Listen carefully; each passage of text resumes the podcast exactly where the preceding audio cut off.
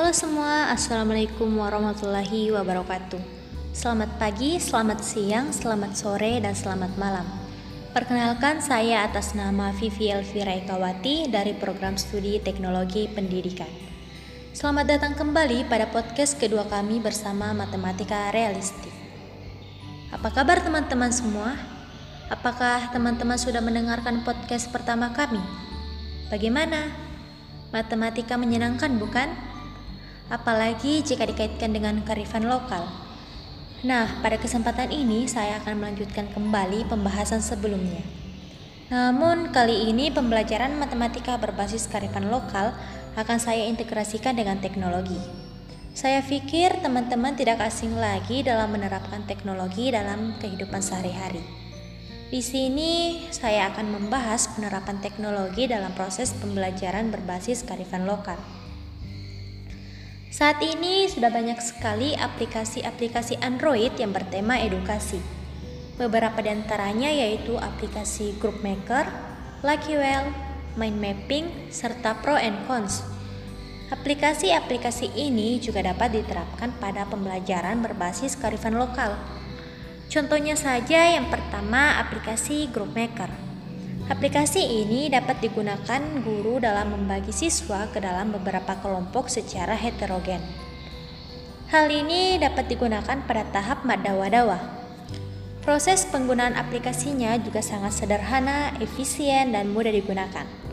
Pada aplikasi ini terdapat beberapa fitur seperti Base Group, Fast Group, and Pick One Fitur base group dapat digunakan dengan cara memasukkan nama-nama siswa yang akan dibagi ke dalam beberapa kelompok.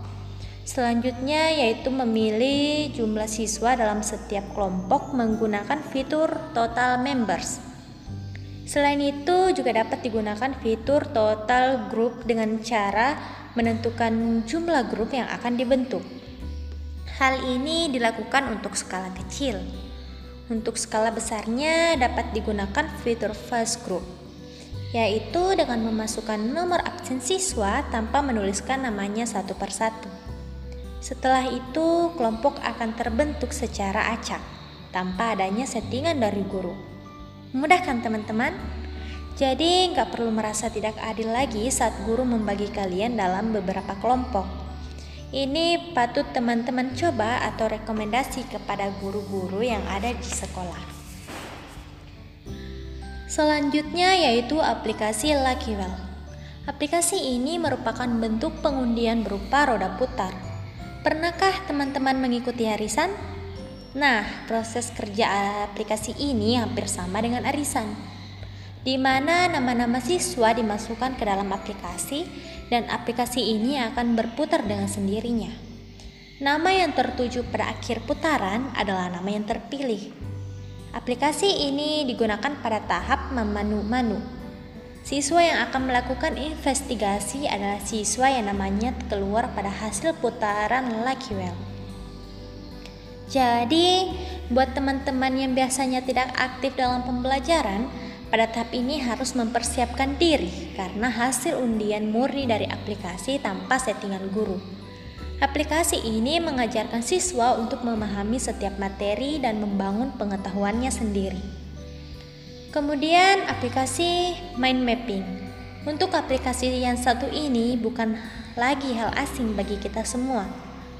Pernahkah teman-teman melihat peta konsep yang terdapat pada buku paket?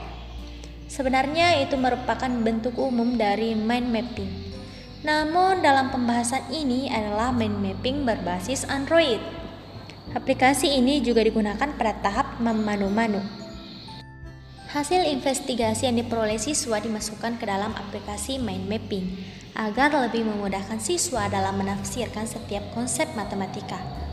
Melalui aplikasi ini, teman-teman juga dapat melihat secara jelas hasil investigasi yang nantinya digunakan untuk menentukan solusi permasalahan yang diberikan. Adapun aplikasi yang terakhir adalah aplikasi Pro and Cons, yaitu aplikasi yang digunakan untuk membuat suatu keputusan dari beberapa alternatif pilihan. Aplikasi ini digunakan pada tahap Mapetu ada, yaitu tahap pengambilan keputusan untuk menentukan solusi penyelesaian yang tepat. Nah, itulah tadi beberapa aplikasi yang digunakan dalam proses pembelajaran berbasis kearifan lokal. Menarik bukan? Ini dapat menjadi pedoman buat teman-teman semuanya agar lebih mencintai matematika. Jadi, siapa lagi yang mengatakan matematika itu menyeramkan? Ayo belajar matematika dengan memanfaatkan teknologi yang ada. Cukup sekian dari saya, jangan lupa nantikan podcast kami berikutnya. Assalamualaikum warahmatullahi wabarakatuh. See you next time, guys.